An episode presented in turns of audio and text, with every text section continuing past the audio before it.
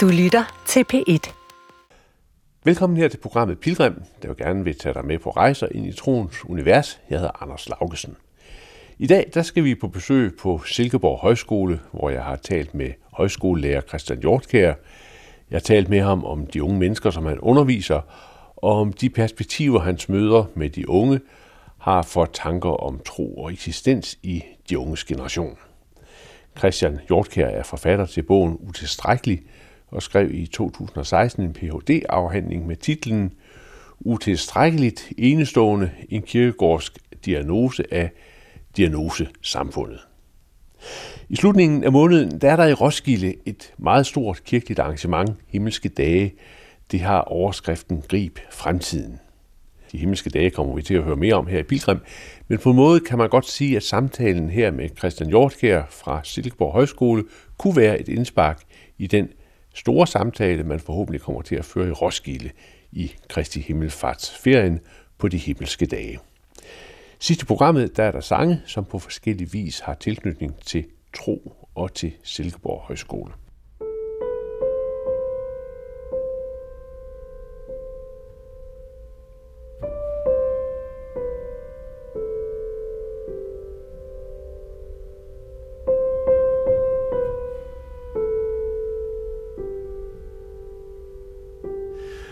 Christian øh, Hjortkær, du er højskolelærer her på Silkeborg Højskole. Vi sidder et vidunderligt sted, bibliotek med gamle sofaer og stole og masser af bøger, udsigt ind imod skoven.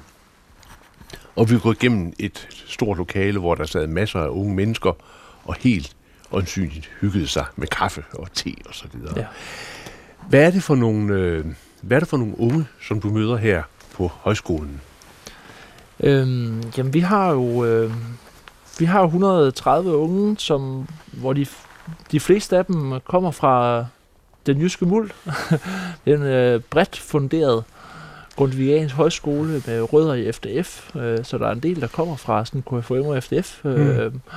Og ellers så kommer de fra alle mulige steder, og det, øh, jeg har selv i min fag, eksistensfagene, der har jeg både akademikerbørnene, og jeg har øh, landmændene, og jeg har øh, håndværkerne. Ja. Så har jeg meget sådan bredt udvalg. Også lidt usædvanligt i forhold til højskoler. Der mm. tror jeg, vi, vi har et meget blandet flok. Men, men, men kan man sige, at mange af de her unge mennesker, de kommer sådan med en bagage, som man jo traditionelt set ville sige var sådan en, en sund bagage, ikke? Altså friluftsliv og sammenhold og FDF og så videre. Helt klart. De kommer fra det, som man altid vil ligesom tænke, det her, det er, det er den sunde danske ungdom, ja. der kommer her. Hvordan er så billedet af den sunde danske ungdom, når man så kigger et spadestik dybere? Mm, jamen det er jo, at der er mange af dem, der har det rigtig svært. Øhm, I forskellige grader, men, der, men, men hvor man kan sige, i, i tidligere har, var det jo nok mere sådan, at dem fra, der havde forældre, der ikke rigtig havde, havde råd til at tage sig af dem, og tid til at tage sig af dem, og så var der de rige, der ligesom ja, heller ikke havde tid til det. Men altså, der, der, der er der jo mange i den, i, i den store middelklasse i dag, som også bakser psykisk øh, med ja, især med, med det, det ængstlige mm. spektrum af, af vores sind, øh, det, det fylder rigtig meget. Hvordan giver det sig udtryk sådan i, i det liv, som man, man, man, man har her på højskolen? Mm, jamen, jeg synes egentlig til dagligt er det jo ikke sådan, fordi man lægger meget mærke til det. De er vildt optaget af at, at være på højskole, mm. og de er meget bevidste om, at det her det skal være det bedste halve år i deres liv. For det har alle fortalt dem, at det bliver. Øh, så de har tårnhøje forventninger til det, øh, og er enormt åbne og modige og dejlige og ambitiøse og ansvarsfulde og enormt gode til at hjælpe hinanden. Øh, og så er der under neden en, øh, altså en, en, en angst for, at det hele krakelerer på et eller andet tidspunkt, mm. og at øh, det viser sig, at de ikke kan noget som helst. Ja. Den der, den der usikkerhed, mm øh, omkring det, at det hele måske lige pludselig krakelerer, det, det synes jeg jo sådan set er en usikkerhed, man godt kan, kan spejle sig ind i, i forhold til tiden, mm. det er i. Ikke? Ja. Og, og man kan sige, at ungdommen har vel altid været en eller anden form for seismograf mm. i forhold til tiden, vi er i, mm. men også i forhold til, til det, som vi voksne har givet dem, givet dem med. Ja, altså, som jeg ser det, så hvor man måske tidligere har været bange for, at man gør noget forkert, det er i hvert fald, hvis jeg tænker på min, min egen mor og bedstemor, så, så var der i høj grad en der gik ængsteligheden på at gøre noget forkert. Mm. Så, så går den i højere grad på øh, ængsteligheden over, at, at, at masken falder. At, Ja. øhm, at de bliver afsløret. Mm. Ikke som nogen, der har gjort noget forkert, men som nogen, der simpelthen er forkerte. Sådan dybt inde. Øh, så det, det, på den måde synes jeg, det, det virker som om, det, det ligger dybere sted. Mm. Altså, fordi det ikke, lig, ligger ikke så meget i handlingerne, men mere i ens væsen, at der ligesom er et eller andet, øh, en grundfejl. Eller sådan, Altså, det, det, når man sådan tænker over det, så er det jo sådan et, øh, altså, øh, på en måde et udsagn, der er svært at forstå for sådan en som mig, men, men når man tænker over det, så er det skræmmende. Jeg kan bare huske en gang for nogle år siden, hvor jeg mødte en, en, en kvinde, en ung, ung kvinde i toget. Vi kom til at tale sammen om, omkring øh, øh, sociale medier og Facebook og så videre, og så, så sagde jeg, at jeg synes jo, det der med Facebook var meget godt, fordi så kunne man jo dengang, synes jeg, nu er jeg ikke på det længere, men dengang, fordi så kunne man, så kunne man se, hvis folk de var syge, eller så sagde nej, det skrev man simpelthen, det var fuldstændig nederen. Og der viste der sig pludselig et billede mm. af en kvinde, som, som havde forskellige identiteter, men hun var helt åben omkring, den identitet, jeg viser andre, er en identitet, som er filtreret. Mm. Ja.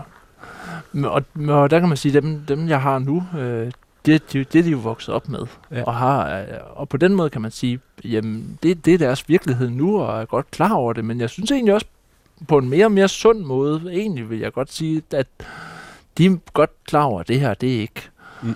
det, øh, det er ikke hele mig. Øh, jeg har bestemt også noget bag ved det her. Så jeg tror ikke, det er sådan, jeg tror ikke, man skal forstå det på den måde, de tænker, på et tidspunkt falder Facebook-facaden, Mm. og så er der ligesom kun det elendige. Ja, på den måde synes jeg, det, det, det, det, det, kan, det kan man godt, det, det kan de godt manøvrere i, synes jeg, men, men der er en, en frygt for, at, at de i det sociale liv, som de jo først og fremmest har med hinanden Mm. her, øhm, at, hvis, at hvis ikke man, at der er et eller andet, at der også er en maske der i det virkelige liv, som Mm. mm. kan falde, hvor det viser sig, at alt det, de er gode til, det, det er også bare fake. Men, men, men, men Christian, kan man ikke forestille sig, at det på en måde er sådan en, en øh, bevægelse, der er gået fra blandt andet online-medier og pretending, med, vi Jo. for, foregiver, vi er noget, vi foregiver, vi er noget i skolen osv., Mm. videre, og så bliver det sådan set en del af dit øh, eksistentielle grundvilkår, at du hele tiden skal foregive at være noget. Mm, jo, jeg tror bare ikke rigtigt, at jeg synes ikke, det kommer fra de sociale medier. Jeg tror, det er fordi, jeg tit er, diskuterer det også, når jeg er ude og holde oplæg, og, og hvis jeg taler med en ældre, ældre gruppe, så, så er det tit sådan, man kan, altså når jeg har holdt oplæg i lang tid, kan du ikke lige sige noget om de sociale medier? Ja. Og det er altid med den tanke, at øh, det er der problemet er. Hmm. Så lad os tale om det. Ja. Øh, og så vidt jeg kan se, øh, har sociale medier egentlig ikke bidraget med et eneste nyt fænomen, men de forstærker Ja. De problemer, vi allerede har i samfundet. Så Mhm. vi er, jeg mener, vi er i en tid, hvor, hvor vi i meget høj grad er opmærksom på vores selvbillede og vores identitet, og hvordan Mhm. vi udtrykker os, om vi har et frontstage, og vi har et backstage. Og, og, og det er klart, at de sociale medier forstærker den helt vildt, Ja. ja. den her tanke. Hmm. Øhm, men jeg synes, mange af de ting, som jeg taler med mine elever om, det er jo nogle almene socialpsykologiske mekanismer, som også er der uafhængigt af Facebook i Ja. hvert fald. Øh, men den der følelse af utilstrækkelighed, Mm. som du beskriver, øh, den kommer vel også af, at der så er nogle, nogle, på en måde nogle idealer, som man skal være i forhold til. Altså der er et eller andet sted, hvor der er øh, noget, der er fyldt op, noget, der Mm. er perfekt, ikke? For ellers var der jo ikke det der begreb af følelsen af utilstrækkelighed. Mm. Hvad er det for noget? Hvad er det for nogle idealforestillinger, som, som, øh, som findes blandt unge? Øhm, jamen, øh, ja, man, kan, man, man kan skelne mellem regler og idealer her. Mm. Mm. Og min påstand er, at vi ovenset er gået fra en tid, hvor vi havde rigtig mange regler, til at vi i dag i højere grad orienterer os efter idealer. Øh, regler øh, kan jeg egentlig ret godt lide. Jeg kan mm. godt Mm. lide regler, fordi man ved, om man er købt eller solgt i forhold til en regel. Man ved, om man er på den rigtige eller den forkerte side. Det er ligesom færdselsreglerne, ikke også? Der Mm. er 80 km i timen. Så Ja. hvis jeg kører 70, så ved jeg, at jeg Ja. ja. gør noget lovligt. Og hvis jeg kører 90, så ved jeg godt, at jeg gør Mm. noget ulovligt, også selvom jeg ikke bliver stoppet af politiet. Jeg ved godt, om jeg er på den ene eller den anden side. Det er regler. Men i dag er der ikke helt så mange regler for det sociale, som der er idealer. Og idealer har en anden psykologisk virkning på os. Idealer er, er jo ikke en streg, vi øh, nogensinde når. Det er et sted, der ligger over os på en eller anden måde. Noget, vi Mm. stræber op imod, øh, og som vi altid forsøger at leve op til. Mm. Så, så de ligger ikke nede på jorden, Mm. for det første. De ligger oppe i himlen, eller oppe i skyerne, som noget, vi stræber op imod. Øh, og et eksempel på et ideal kunne være lykke. Lykke er ikke en regel. Mm. Øh, Gud forbyde det. Men øh, et ideal, Mm. øh, vi stræber mod, og som øh, unge jo i høj grad stræber mod. Og, øh, og jeg tror, der er et, en, en forventning hos mange unge om, at man skal være lykkelig, og det skal Mm. man helst egentlig hele tiden være. Ja. Øh, og det ved man godt som ældre, at det er sådan noget, der kommer og går lidt. Ja, det er ja, sådan nogle ja. sjældne øjeblikke. Men hvis nu man har et ideal om at være lykkelig, og at man gerne vil være lykkelig hele tiden, så har jeg sådan tit, hvis man sætter sig et ideal, jamen jeg kunne godt for, altså som ung kan man jo så forestille sig, at idealet er et bestemt sted. Mm. Så jeg sætter mig et mål for, hvor er det, jeg gerne vil hen, Ja. lykkemæssigt i mit liv.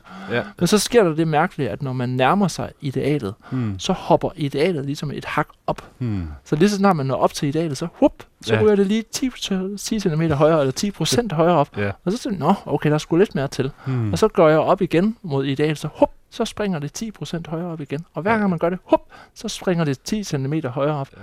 eller 10% højere op. Og det er fordi idealer er ikke faste, idealer udvider sig. Ja.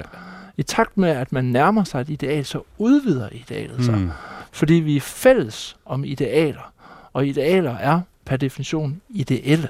De er ikke reelle, de er ikke Mm. virkelige, de er noget, vi stræber mod, men som man per definition ikke kan nå.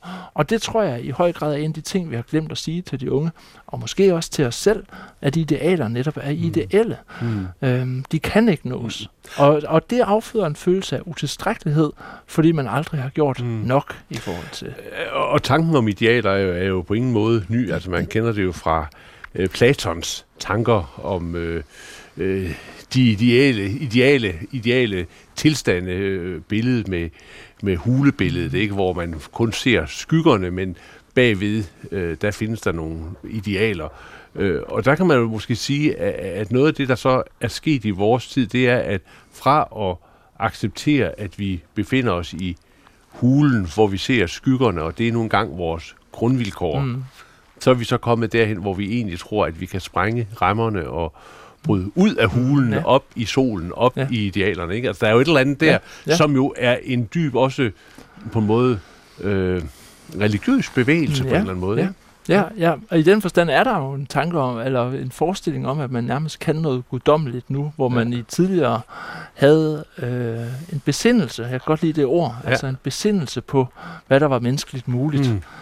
Der er der, øh, og, og det mener jeg jo bestemt ikke, at man kan anklage ungdommen for. Nej, nej Fordi overhovedet ikke. Ungdommen vil altid være en, der stræber mod, øh, mod himlen, mod Ja. at være stjerner på himlen. Ja. Men, øhm, men jeg tror, vi har glemt at, at give den besindelse videre Mm. øh, på, en, på, en, øh, på, en, på en stilfærdig måde, Ja, ja. og give den øh, grundtanke videre, at Mm. der er noget, der ikke er menneskeligt muligt. Men man kan også sige, altså nu, nu mit perspektiv sådan på, på livsforståelse og religion går jo også tilbage til, øh, til 80'erne i mødet med øh, Østens religioner og med New Age, og det der så fra New Age blev til Next Age, som man kalder The Human Potential Movement, altså den der bevægelse, hvor man Mm. hele tiden forsøgte at opnormere menneskets kunden, og det så man så afspejlet i alle mulige mm. øh, kurser i erhvervslivet, ikke? hvor altså menneskets potentiale hele tiden skulle forfines. Ikke? Mm. Og den bevægelse i 80'erne og Mm. ind i 90'erne blev jo så i 90'erne øh, ramt med hele den øh, efter muren sådan, globalisering, hvor forbruget mm. Det er uendeligt. Så man kan jo godt sige, at de her unge, der nu øh, er i højskolealderen nu, de er jo ramt af nogle, af nogle historiske bevægelser, som, som, som har, har drevet Ja. øh, idealforestillingerne frem. Ja. Og som ligger langt ud over dem selv. Langt, langt ud over dem selv. Det har Ja. ikke noget med dem selv Ja. at gøre. Det er, Nej. det er sådan historiske bevægelser, hvor de så er blevet ramt af, af bølgerne. Ikke? Ja, ja. Så de skal leve med konsekvenserne. De lever det, i der- den ja. grad med Ja. konsekvenserne. Ikke? Og det er noget, jeg, jeg faktisk taler rigtig meget med dem om. Øh, Jeg plejer altid at starte med på, det, det vi skal ind i nu her og tale om de næste to måneder, det har egentlig ikke noget med dig at gøre. Mm. Altså, og gang på gang prøve at fortælle, det er ikke din skyld, det her. Nej. Altså, og, og jeg kan mærke, hvor meget det letter hos Mm. mange af dem. Bare Ja. ja. det at få at vide, det her er ikke min skyld. Og det er egentlig ikke mig, den er gal med. Det her det er nogle samfundsprocesser, som ligger Ja. langt ud over. Og ja. lad os bare lige kigge på det. Hvis det halvdelen af jer fø- rammer, ramt af en utilstrækkelighedsfølelse, så er det nærmest også selvfølgelig, at det ikke har noget med dig og dig Mm. mm. og dig at gøre. Men der er nogle ting her, som har været drevet frem lang Mm. tid før du overhovedet blev til. Ja. Men du skal bære konsekvensen af det, og det er det, vi skal tale om. Det er, Mm. hvordan kan du på en eller anden måde lære at leve med det her som et vilkår, Ja. øh, og hvordan kan man så på den baggrund langsomt begynde måske at, øh, om ikke gøre et oprør, så i hvert fald måske trække sig ud af det, og bare Mm. kunne se det på afstand, og Ja. så overveje, er det her noget, jeg gerne vil deltage i, eller Ja. er det noget, jeg på en eller anden måde skal... Øhm, ja, have et distanceret forhold til, eller måske endda prøve at starte en bevægelse, der går i en anden retning. Ja, ja. Og, og hvad, hvad siger de så til det? Jamen det, det er svært, fordi der, der er jo som ung vil man jo meget gerne have en ret hurtig løsning. Altså Mm. først og fremmest have en løsning, Ja, som jeg ikke tilbyder. Nej. Øh, men mere bare prøve at beskrive tilstanden. Og, Ja. og, og det finder de efterhånden en vis ro i, fordi hvis jeg siger, jamen prøv at høre, da, da min bedstemor var ung, der, der, var, der var det meget skyldfølelsen, Mm. mm. og det var det store overjeg, der tyngede hende og sagde, Ja. hold din kæft og sæt dig ned Mm. og opført dig. Der, hun blev neurotiker, ja. ikke også? Øh, I dag er samfundsvilkårene nogle anderledes. Vi har slet ikke neurosen længere. Mm. Tænk engang, det er fantastisk. Men nu har vi så angsten i stedet Ja. ja. for, som afføder Ja. af det her, som bliver affødt af det her. Og, og det er det, det, vi er i nu. Ja. Og det, Ja. ja. det kommer vi ikke til at kunne ændre her, øh, Nej. os øh, 25, der sidder her i det her fag. Øh, men vi kan lære at manøvrere i det. Mm. Og vi kan lære for det første at forstå, at det her det er en proces. Mm. Og jeg vil faktisk også gå så vidt som til at så nogle gange sige, prøv at høre, det her det er også over igen om 10-15 år. Mm. Ja, ja. Men ja. vi bliver nødt til på en eller anden måde at leve i, ja, i vi det. er, vi er i det lige nu. Ja, Ja, ja. Det gør vi, og, og hvordan gør vi det? Og, og jeg går mere og mere væk fra mine oprindelige tanker om et eller andet stort samfundsoprør, øh, hvor vi skal have indrettet staten, så det her det aldrig sker igen. Øh, sådan meget idealistisk og også lidt naivt, øh, til, til hvad, er, hvad er det, vi kan gøre i det nære? Og det er også derfor, jeg er højskolelærer. Det er simpelthen, hvad kan vi ændre her mm. i den, det allernærmeste? Mm. Fordi det er, mit, mit grundsyn er, at hvis man bliver så presset, som de unge er i dag, fra alle mulige krav og idealer og påbud og ting og sager, der rammer dem hele tiden, altså virkelig ustandsligt. Mm. Øhm, hvis man har for eksempel, det er, jo, det er jo meget enkelt det her, men hvis man har meget stærke relationer, Mm. gode venskaber, som er båret af gensidig tillid og åbenhed og Mm. mm. sårbarhed, Ja. Så øh, skal der rigtig meget til at vælte Ja. et ungt menneske. Hvis man har Ja. en grundlæggende øh, tro på, at hvis jeg vælter, eller Mm. når jeg en dag vælter, Mm. så dem, der er ved siden af mig, så ja. samler de mig op. Ja. Så kan man holde til rigtig meget. Ja, det kan man. Og så øh, behøver man måske ikke at, at, at, at omstrukturere hele samfundet. Mm. Mm. Altså, det, altså det vil jo være godt, hvis, Mm. mm. og det skal vi. Men, men på en måde men, kan man jo så sige, ja. Christian, det kræver så, at alle bliver sendt på højskole og får opbygget nogle af de der, Mm, ja, de der nære relationer. det, det ikke? man, Fordi, s- ja. Fordi hvis man, hvis man ser ud, øh, i hvert fald i, i, i de øh, rapporter, der er omkring Mhm. Unge øh, kvinder og selvskade Mhm. og øh, sådan i hele taget, øh, hvad skal vi sige, pulsen på, hvordan unge Mhm. mennesker har det, så, så er det jo et billede, som er meget dystert, der Ja, tegner sig. Ikke? det er det virkelig. Øhm, og hvis man nu sådan, altså nu er vi jo sådan i en, i, i en, en sammenhæng, hvor vi taler om tro, og nogle af de, de ting, der, der handler om troens verden, og, og jeg er med på, at det her er selvfølgelig noget, der er, øh, hvor der er rigtig mange faktorer, som spiller Mhm. ind. Hvis man nu går ind og, og ser på noget af det, som vi kender fra troens verden, øhm, så kan man jo sige, at, øhm, at der er jo en eller anden menneskeopfattelse, en eller anden antropologi, som nogle følelser rammer ind i. Og hvis man Mm. ser på, på en af de grund menneskeopfattelser, der er i, øh, i vores øh, tradition, vores øh, lutherske tradition, Mm. så er det jo en grundskepsis Mm. i forhold til mennesket. Altså mennesket ja. er en synder. Ja. Øh, hvad, hvad, hvad tænker du om det, at man har sådan en antropologi, altså sådan en grundmenneskeopfattelse, som ligesom ligger som en af de dybe øh, svingninger eller klangbunde mm. i samfundet. Og så kommer vi altså ind i en tid nu, hvor, hvor, hvor, hvor menneskets øh, vækst og uendelighed og Mm. idealer ligesom kommer op og, og, og glimter. Hvad tænker du om den, Mm. den, den øh, Ja. spænding? Jamen, det er jo, det er jo uhyre interessant. Altså, det, det, det er jo noget, jeg selv har med direkte i min undervisning, men det er noget, jeg, jeg tænker meget over selv. Altså, den, den formulering, der går igen og igen i, i min bog, fordi jeg har den fra eleverne, Mm. er, at jeg føler mig forkert, selvom jeg forsøger at gøre alting rigtigt. Mm. Øhm, og det er jo lige op og ned af Luthers syndserkendelses ja. Tanke. Altså det er jo en, en, en erkendelse af, at der er ikke bare noget galt med mine handlinger, men der er en eller anden grundfejl, som jeg sagde ja. til at starte med. Der er en ja. eller anden dybliggende ting, som gør, at uanset hvad jeg gør, så kan jeg aldrig gøre det rigtigt. Nej.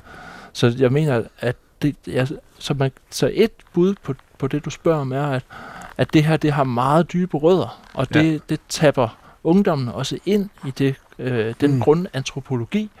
Øh, men problemet er jo, at det er vi ikke bevidst om. Nej, det er klart, det er vi ikke. så, så vi tænker jo ikke os selv som uh, lutherske nej, nej, overhovedet antropologer, ikke. Og, og der slet ikke, at vi tænker synd eller sådan nej. noget.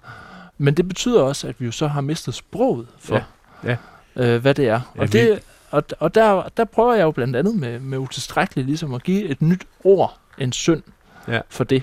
Ja. Øh, fordi jeg mener, at vi har brug for et sprog til at forstå mm. øh, og selv og vores samtid, og, og hvad det er for nogle eksistentielle kvaler, vi har. Så et bud vil være ligesom at sige, at der er det, der, det er faktisk, det kommer ud af præcis det her, du, du, du siger der, som der har meget dybe rødder. Øh, og vi skal, have, vi skal have opfundet sproget på ny, ja, altså, ja. For, for at hjælpe mm. her. Ja, det er jo den ene ja. vej. Den ja. anden vej er jo så at sige, at udgangspunktet er forkert. Ja, lige præcis. Det er ikke? den anden mulighed. Fordi det er den anden mulighed, ja. fordi man kan sige, at i øh, andre dele af den kristne kirke, i Østkirken, ja. der har du en antropologi, hvor, hvor du øh, fokuserer på mennesket som skabt i Guds billede, ja. og dermed er det, er det nogle helt andre, øh, hvad skal ja. vi sige, facetter ved det at være menneske, der bringes frem. Men altså, nu går vi tilbage ja. til vores lutherske. Ja. Vi, lad os antage, at det er sådan, at, at enhver kultur bærer nogle dybe, dybe øh, klangbunde, nogle bærebølger, øh, som har med menneskesyn at gøre, og vores har så, er så præget af det der lutherske menneskesyn, negativ mm. menneskesyn, mennesket er en synder, og at vi så i denne her historiens gang med den her bærebølge egentlig har tabt sproget mm. omkring det. Ja. Ikke? Det, er jo, det er jo egentlig ret forfærdeligt, fordi ja. man kan sige, hvis man så bare kan identificere sig selv, jamen jeg er en synder, det er derfor jeg føler mig sådan, mm. og så videre, så er man jo allerede hjulpet lidt på vejen. Ikke? Ja. Men i den, i den lutherske formellære, mm. øh, der er den anden side af den formel, som jo er ellers ubærlig at leve med. Ja. Altså, det er jo, at du har Guds nåde, ja. Ja. at Gud er der med sin nåde. Ja. Øh, og det er derfor, det går op. Og det er derfor, det går op, og det er derfor, du, du har kunnet leve med den der ja. øh, antropologi ja. øh, på forskellige vis. Ikke? Ja. Øh, hvordan, hvordan spiller det ind, altså det der begreb med, at der er nogen, der skal tage dig til noget, øh, sådan som du nu utilstrækkelig som du er, hvordan spiller det ind med den virkelighed, øh, de unge de har i dag? Jamen der mener jeg jo virkelig, at problemet er, at den anden side, som du taler om her, den har vi ikke fået oversat. Mm. Vel? Altså, vi, jeg, jeg mener, at vi tænker grundlæggende luthersk synd teologisk stadigvæk. Mm. Altså, der vi, altså de unge ting, altså, de siger jo ikke, jeg er i et og alt en sønder, vel? Mm, altså, nej, nej. Men de føler sig hammerende utilstrækkelige. De kan, lige så snart jeg slår over i det eksistentielle sprog, de er helt med på, hvad det er, vi taler om. Jeg, ja. jeg altså, skal sige ganske få sætninger, mm. og så kan de mærke, at det, det rammer dybt sted, det her, mm. i en ekstrem skepsis over ja. for sig selv. Ja. Øh, og det, der går op i kristendommen med Luther, det er netop, at man har to sider. Man har den forstand en balance, eller to sider, der går op mm. i en højere enhed, øh, ved at have nåden på den anden side. Men den, det nådesprog, det har vi ikke oversat, vel? Nej. Og det kan de ikke mærke på samme måde. De kan ikke mærke den der, som når jeg er ude til en sovneaften, og det er plus 70 ja. segmentet, hvor de også sådan, men der er også den her grundtanke om, at du altid allerede elsket. Ikke? Mm. Den er der ikke på samme måde. Nej. De øh, har, har ofte fået noget lignende at vide af deres forældre. Mm. Og, øh, og det mener jeg også, at det er helt afgørende, at man gør. Men, men jeg vil give dig ret for så vidt, som der er ikke den der dybe mm. forankring, som kun kommer gennem det mm. religiøse eller spirituelle ja. forståelse af, at, at selv hvis mine forældre var væk, så ville der også stadigvæk være ja, en kraft, der ville ja. elske mig for alt, hvad jeg er. Og, og hvis vi nu skærper det der udsagn, så synes jeg også, at man kan jagtage, at hvad skal vi sige, den store far, skråstrej mor, nemlig samfundet, mm i, i, i stadig grad øh, også bliver et noget for noget mm-hmm. øh, samfund. Ikke? Ja, altså hvor man kan sige, at øh, hvis du kommer til at parkere forkert, eller du kommer til at køre uden, øh, i tog uden billet, så er der virkelig kontant afregning. Bum går det. Det er sådan, ja. det går. Ikke? Ja. Altså der er ikke øh, altså ordet noget i vores øh, samfund øh, øh, har ikke en fremtrædende plads, eller Nej. hvad tænker du? Nej, nej, det har den jo ikke. Altså, Øh, og det er sjovt, fordi det er jo et sted, jeg tit strander i min undervisning med de elever, der ligesom mm, gerne vil lidt, lidt dybere også er med på det sprog der. Mm. Der, øh, altså fordi jeg prøver, jeg prøver at dele det sådan ret øh, skematisk op og sige, jamen, hvad er det modsatte af skyld? Ja, det er undskyld eller tilgivelse. Skyld og mm. tilgivelse hænger sammen. Hvad er det modsatte af skam og utilstrækkelighed? Jamen, det mener jeg faktisk er noget. Jeg mener, det er det omvendte, fordi hvis skammen eller utilstrækkeligheden er tilsvarende, ligesom omfattende og ja. omsaggribende, det er hele mig, den er gal med, ja. så har vi jo brug for et ord, der er større end ja. undskyld, som vil være ondskam, ja. som ikke findes. ja, nej. Øh, men det er faktisk noget, det er det, at du altid øh, allerede til, øh, tilgivet øh, mm. og elsket på forhånd jo.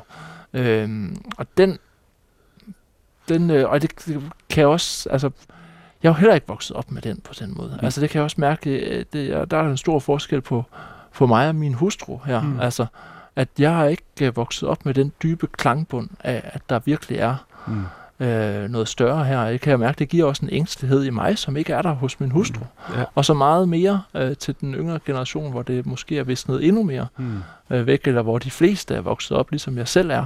Ikke med en grundlæggende mm. øh, forståelse for, hvad, øh, hvor om, omfattende på den mest vidunderlige måde, øh, begrebet om noget er. Hmm. Ja.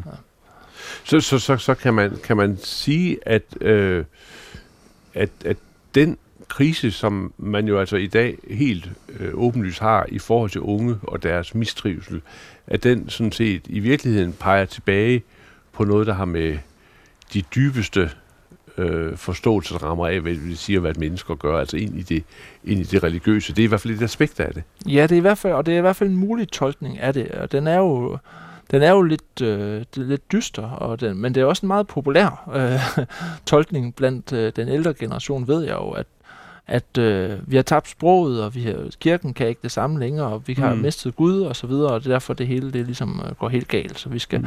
Men løsningen der bliver tit, jamen vi skal ligesom bare have den klassiske Gud ind ja. igen. Øh, og så skal vi have dem øh, lært at forstå, at øh, Gud elsker alle, og så pling, så, så er vi tilbage på sporet. Mm. Den tror jeg bare ikke rigtig nej, på, den løsning. Nej, men det, det, det, ikke. nej og, og, og den tid er jo gået. Ja, Altså, den, den tid er jo gået... Ja, fordi vi, vi kan blive ved med at beklage ja. det, der er gået tabt, men, men, men det kommer jo ikke tilbage på den måde. Altså. Og, og, og man kan også sige, at vi befinder os jo i en historie, som så har fået, og det var så det, jeg sagde, det har fået en, øh, en øh, evolutionslærer til. Mm-hmm. Ikke? Altså vi, en anden dyb klangbund, der er kommet ind, det er klangbunden omkring menneskets evolution, mm. menneskets udvikling, mm. selvudvikling. Mm. Du er øh, mere end det, du er lige nu. Du kan blive noget endnu bedre i morgen, ikke? Og så kombineret med den der øh, øh, jo altså forbrugskapitalistiske øh, hvad skal vi sige, menneskesyn. Ikke? Altså det, men så kommer der jo et tredje punkt ind, som jeg også synes er utrolig interessant. Altså jeg har læst nogle, nogle bøger, der handler om øh, overvågningskapitalisme, mm. hvor, som jo altså et kort, øh, kort træk går ud på, at man i de der store koncerner øh, er i stand til at, at forudse, hvordan mennesker handler, og måske også påvirke vores handlinger. Øh, men bag den logik og det arbejde, der ligger der så et dybt øh, øh, menneskesyn, siger øh, de der bøger, og, og det lyder jo rigtigt, som siger, at mennesket er på en måde en slags maskine, en biologisk maskine, der kan manipuleres, og der kan øh, føres frem til nogle bestemte ting. Altså mennesket i sig selv mm. er ikke nødvendigvis noget, der har nogen ret. Og det er jo måske nok et element, der kommer mhm. på, ja. og som præger øh, den, hvad skal vi sige, dybdeklangbund, som de unge så øh, befinder sig i. Mm. Ja. Hvad tænker du om det, Christian? Jamen, det tror jeg, det tror jeg desværre er rigtigt. Altså, jeg tror også, og jeg tror, min, min, min opfattelse er også, at, at, øh, at de fleste unge har en fornemmelse af, at ligesom øh, friheden øh, bliver mindre og mindre. Ja. Jeg lavede faktisk øvelsen med mine øh, elever i filosofi her øh, i forgårs, ja. øh, hvor vi talte, så det var ude fra Kirkegaard, tanken om, hvorvidt ting er forudbestemt, øh, skæbnebestemt, øh, prædestineret på den ene side, mm. eller om der ligesom er en fri vilje. Ja. Øh, godt, øh, ja. en god øh, klassiker at, tage, at tage op blandt de unge. Og så, øh, så midt i timen kom jeg i tanke om, lad os lige prøve at lave den her øvelse, fordi det er en, man tit øh, laver i dag. Mm. øh, dem, der tænker, at ting er forudbestemt, ja. I stiller jer i venstre side af lokalet, og jeg der tænker, der er en fri vilje, I stiller jer højre, og så laver vi ligesom et spektrum imellem. Og så Ja. kan man stille sig på en Ja. linje der, hvor, hvor, hvor, hvor Ja. stor en procentdel Ja, ja. går, hvor, hvor, hvor stiller du dig? Og øhm, der, var ingen, der var ingen, der stod over ved fri, frihed, ren frihed. Og det var der, Der var ikke. ikke en. Der Nej. var øh, to ud af 25, der stod helt over ved, at, at alt var stort set helt prædestineret. Ja. på forhånd. Og så stod langt størstedelen, de stod en tredjedel inden fra Mm. skæbnesiden af det. For så, så, altså, så at Ja. ja. to tredjedele af mit Mm. liv er prædestineret Okay. på, på forhånd. Ja. Øh, så det var det billede. Og det er ikke Gud, der prædestinerer det. Nej, det så, er, fordi det, ja. det er jo så bare den ren, den rå statistik Ja. her, ikke også? Og så samtalen gik jo så videre på, hvad er det så for nogle faktorer, vi tænker, der, der forudbestemmer os, eller bestemmer, mm. hvem, hvem vi er og hvad vi gør. Øh, og det er jo forskellige ting, de siger her. Der, der er nogen, der er jo sådan, jamen det er ren genetik. Altså ja. det, det, det er genetik det hele. Øh, og der er nogen, der er mere sådan lidt blødere at sige, det er noget biologisk. Og så mm, arv og miljø. Mm. Øh, og også nogen, der var meget på sådan, jamen det kommer an på, hvor du er født. Altså det Ja. er, jeg er født på Læsø. Ja. Så det er det, der er det helt afgørende. Havde jeg været født Som københavner. Ja, netop. Ja. Ja. Så havde mit liv set fuldstændig anderledes ud. Ja. Ja. Så der er ligesom, så det, det er ret sjovt at høre, det er nogle forskellige ting.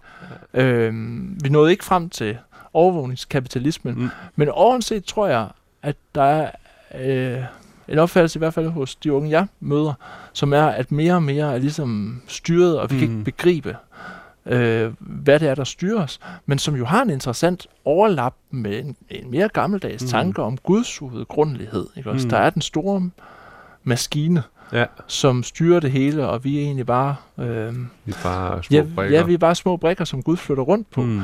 Og om, det så, om vi så kalder det Gud i Mm. klassisk forstand, eller vi kalder det øh, kæmpe store øh, digitale netværk, Ja. mm, jeg tror ikke, det gør den... Altså, øh, i en vis forstand gør det jo lige meget, Mm. og i en anden forstand er det jo en verden til forskel. Ja, der er en verden til forskel. Ja. Fordi, det, fordi hvis man tænker lidt mere over det, så er der, den, den anden udgave er jo menneskeskabt. Ja. Så det vil jo også betyde, at, at det så er vores opgave at lave om på den igen. Mm. Hvor hvis det er Gud, så er det jo ikke vores opgave at lave om mm. på det. Nej. Så er det så er vi. Men, men Christian Hjortkær, hvis man nu altså, ser på de unge mennesker i dag og den øh, situation, de er i, og så spejler den i forhold til fremtiden. Ikke? Altså, altså, der er jo ikke nogen tvivl om, at vi, at vi står over for, øh, for både den nære fremtid, som er særdeles øh, uigennemskuelig, og også den lidt øh, længere fremtid, som på grund af klimakriser og alle mulige andre kriser er øh, ja, altså uoverskuelig, ikke? det må man jo sige. Øhm, hvordan tror du, det påvirker dem? Altså i den der også følelse af at være øh, utilstrækkelige. Ikke? Mm. Altså øh, det at stå over for noget, hvor det er utrolig vanskeligt at se dels nogle veje, men også at se min egen måske rolle i det. Mm, Ja. Jamen der ser jeg, jeg ser to, to bevægelser, som strider i hver sin retning. Altså på den ene side kan jeg godt se en, en, øhm, en fatalisme, øh, som er den, der i hvert fald rammer først, end det her. Det Mm. er, det er alt for stort til, at jeg Ja. ja. kan gøre en forskel overhovedet, Ja. og øh, det kommer til at ende galt uanset hvad. Mm. Eller sådan. Øhm, og så er der samtidig, når jeg ser på den unge generation, et kæmpe håb, fordi det, jeg taler meget om, det er jo bagsiden af medaljen. Mm. Mm. Det er alle de, det, alt det, der er hårdt for dem. Men forsiden ja. af medaljen er jo, at de er pissedygtige. Ja. De er hammerende ambitiøse. De Mm. mm. har virkelig et ønske om at ændre verden. Mm. Øhm, de er meget ansvarsfulde. De er meget etisk orienterede. Af alle de forfærdelige ungdomsgenerationer, vi kunne have fået. Ja. Prøv at tænk, hvor vidunderligt det er, at vi har en ungdomsgeneration i dag, som er dygtige, som er ambitiøse, som er ansvarsfulde, som er etisk orienterede, altså som ikke er skamløse, Ja. men ja. som er skamfulde. Og det er hårdt at være skamfuld, men det er dog langt bedre end det skamløse i forhold til at kunne ændre noget til Mm. det bedre. Øh, da jeg spurgte mine elever for 10 år siden, ud fra sådan en kirkegård-tanke, er I mest æstetikere eller etikere? Mm. æstetikeren være den her livsnyder, der er, og etikeren, der er mere sådan forpligtet på, Mm. mm. på, på noget større, så langt største delen vil sige, de rakte hånden op til, at de var æstetikere. Cirka 9 ud af 10. Ja. Så spørger mine, mine elever i dag, så 10 år senere bare, så er 60-70 procent af dem etikere. Og det er jo interessant. Det er jo kolossalt øh, Det er jo helt skift. vildt Ja. skift. Så det vil sige, at de, de har ikke en tanke om, at de er her øh, for at opleve noget, men også for at leve op til noget. Mm. At, at der, er øh, noget, øh, der er noget større, ligesom, som er vigtigt, mm. Og som, øh, som jeg har et ansvar for at tage del i. Så på den måde ser jeg to bevægelser. Det, den, det første er, er et sortsyn og en fatalisme, og det her er helt umuligt. Men, men samtidig ser jeg virkelig altså en, en kampgejst Mm. Ja. for, at nu skal der så ske noget, fordi der sker jo ikke noget. Altså, de, Mm. de gamle, de, de har givet op. Mm. Vildt sådan, jamen, Ja. altså, og det har ja. de mange, de sidder sådan, jeg gider ikke gøre mere, jeg vil bare have lov til at brænde, brænde øh, de sidste Ja. ja. bøffer af. Og ja, så, og flyve altså, de sidste ture. Ja, og det, altså, jeg tror, når de kigger på den ældre generation, så er det lidt ligesom, når man ser der Untergang, Ja. ja. ikke også? Hvor det, alle tyskerne, de ved godt i bunkeren der, de ved godt, det hele er galt. De, Ja. ja. de siger bare, fuck it all, nu, øh, Ja. nu knipper vi til højre og venstre, og går det ligesom Mm. bare, så må det bare, og, tager, Ja. ja. og, og, og, og, og, og, og begår selvmord, ikke også? Eller sådan, fordi det Ja. ja. hele er slut Ja. så er der jo, øh, så, så det skal simpelthen være løgn. Altså der er jo mange af de unge, selvom de ikke engang har børn, tænker på deres fremtidige børn. Ja. Det her, Ja. ja. det skal vi have lavet om, ikke også? Altså.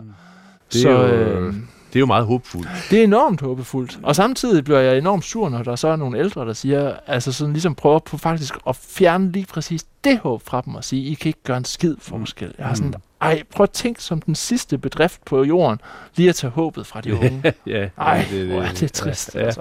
Nu, nu øh, sidder vi herinde i biblioteket, og bag ved dig, der sidder jeg med udsigt til en bog, der ligesom er vendt ud af, sådan, så man kan se forsiden, og det er Christian Lets øh, bog, der hedder Håb, Ja. øh, som jo er en, en bog, der går ind lige præcis i, Mhm. i det, du, du beskriver. Ja. Øhm, ved siden af den, så er der en, en bog, som hedder øh, livsstil, hvor man ser en, en, en, en mand, som sidder... Øh, Livsstil er en livsstil. Øh, livsstil er en livsstil, Ja. ikke? Øh, og, og sidder ligesom og, og mediterer og, ja. Og kigger ud og øh, Sørine, som læser Bibelen, det er en anden en af dem, der er væltet, væltet ud, eller Jordan Petersons 12, øh, 12 Rules for Life. Øhm, ind i det der, den der bevægelse imod det håbefulde, Mm.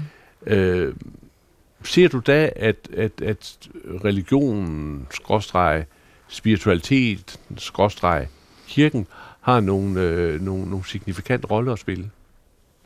Det tror jeg faktisk. Altså, øhm, især fordi jeg også oplever, at, at de unge er langt mere åbne over for det, mm. end, øh, end for øh, 15 år siden. Altså, øhm, det er sjovt, fordi nu sidder vi på en, en højskole, der er, er startet af FDF. Vi kalder Ja. ja. os ikke for en FDF-højskole, men den har rødder i FDF, som Ja. ja. det hedder.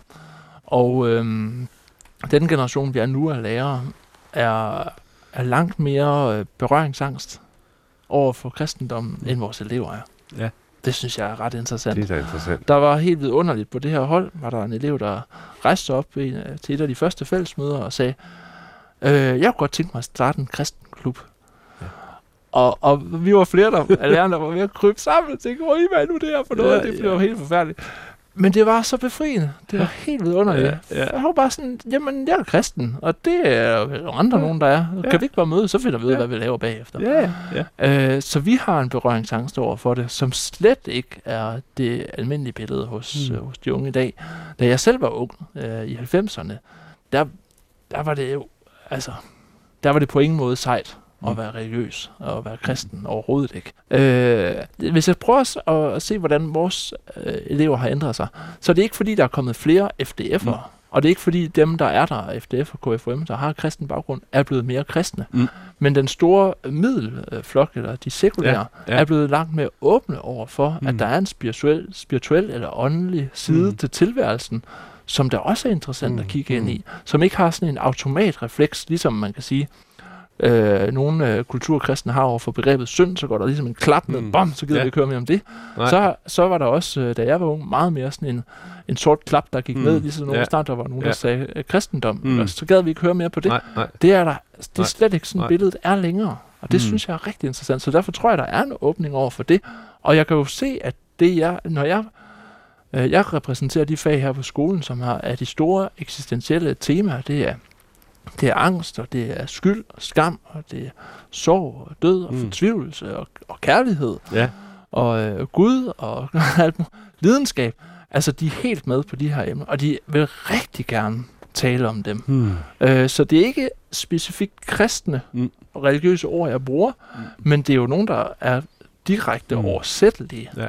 Øh, ind i, øh, i en kristen sprogbrug, og det mener jeg jo også, Mm. mm. det er med både skam og utilstrækkelighed. Der har kirken altså et flere tusind år gammelt vokabularium, mm. der Mm. kan reaktualiseres.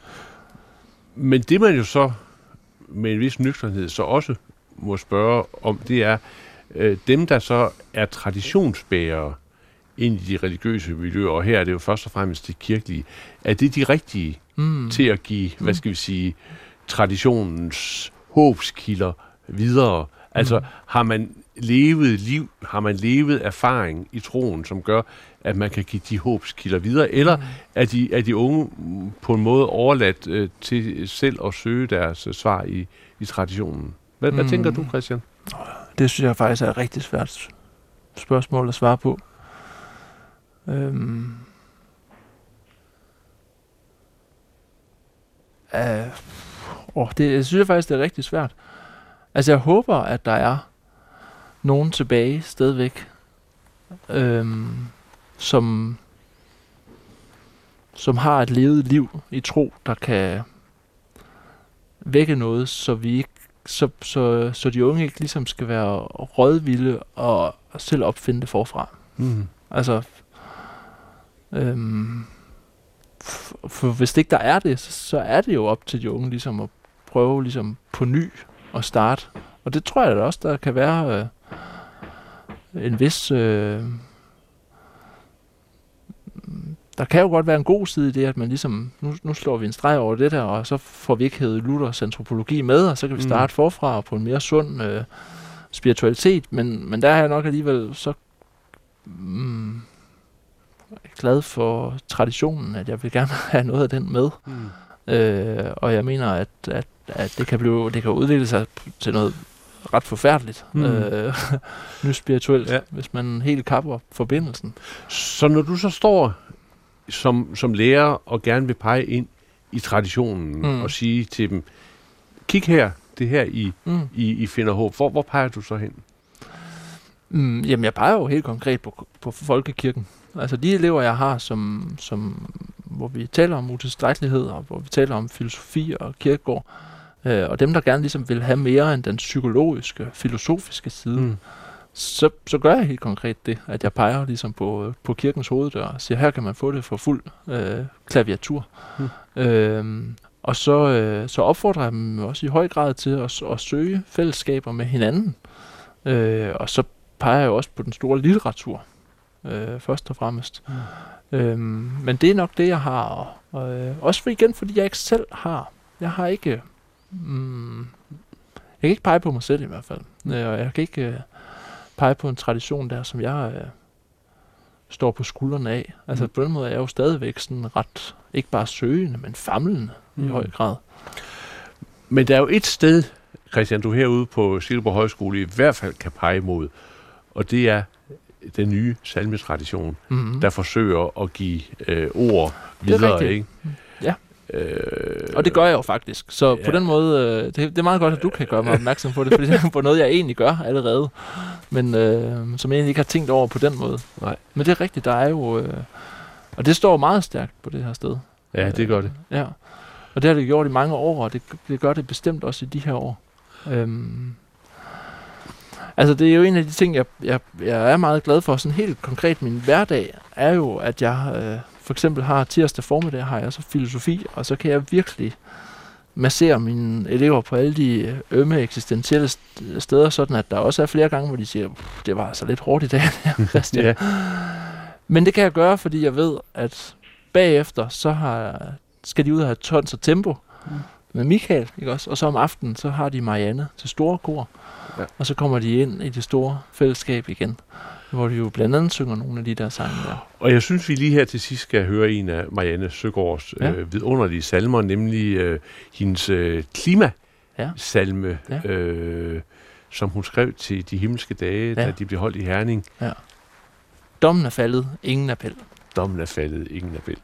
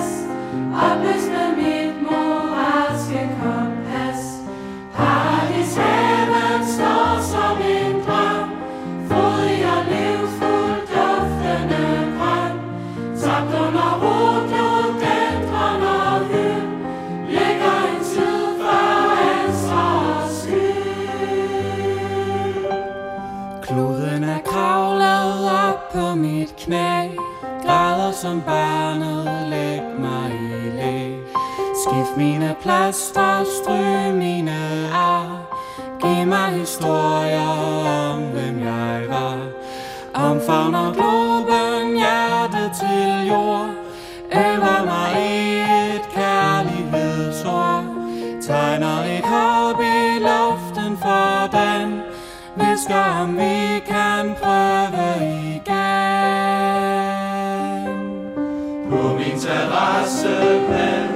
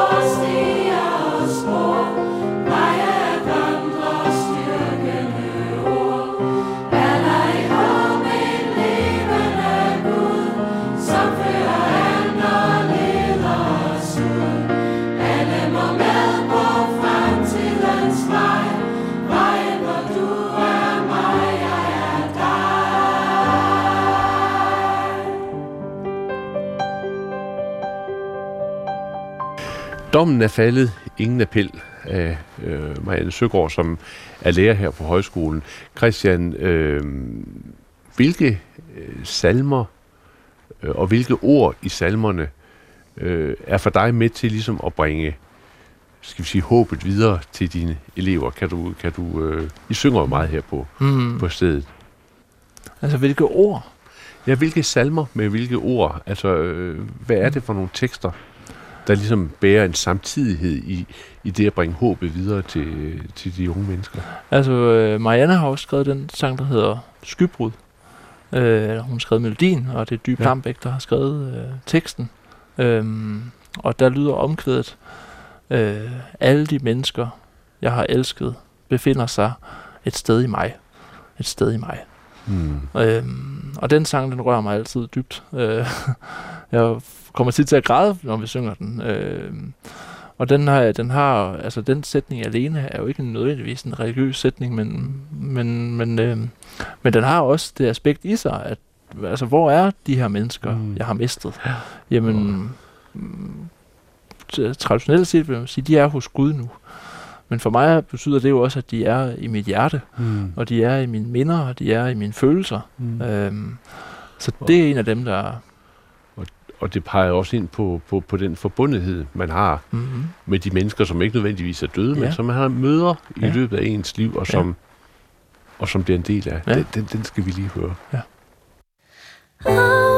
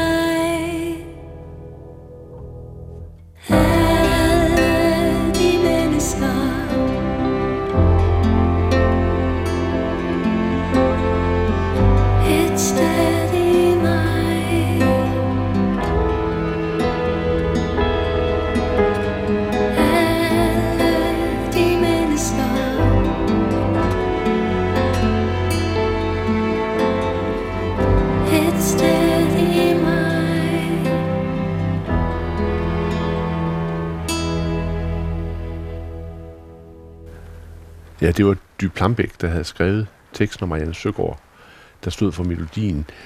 Øhm, vi sidder her i øh, biblioteket, og øh, herover der står der en række bøger, Mm. som har tilhørt en af øh, skolens andre salmedigtere, ja. Og som også har sat til mærke. Ja. ja, vi sidder simpelthen omgivet af, det hvad er der, 20-25 papkasser her, øhm, som er Leif Rasmussens øh, bogsamling, som, øh, han, som, som hans søn nu har, har givet herned til, og så kan vi alle sammen få lov at, at nuppe lidt af hans, øh, hans sidste litterære rester her. Ja. Øhm, og han har også skrevet nogle, nogle formidable øh, salmer og sange, øh, som, som er skrevet på det her sted. Og, og, og en af dem, som jo altså virkelig har sunget sig ind i vores hjerter, det er Spænd over os dit himmelsejl. Ja. Øh, Christian Hjortkjær, tusind tak, fordi jeg måtte besøge dig her på øh, Silkeborg Højskole. Det har været en fornøjelse. Her er det Anders Laugesen, der siger øh, tak, fordi du lyttede med, og på forhåbentlig genhør om en uges tid her i Pilgrim.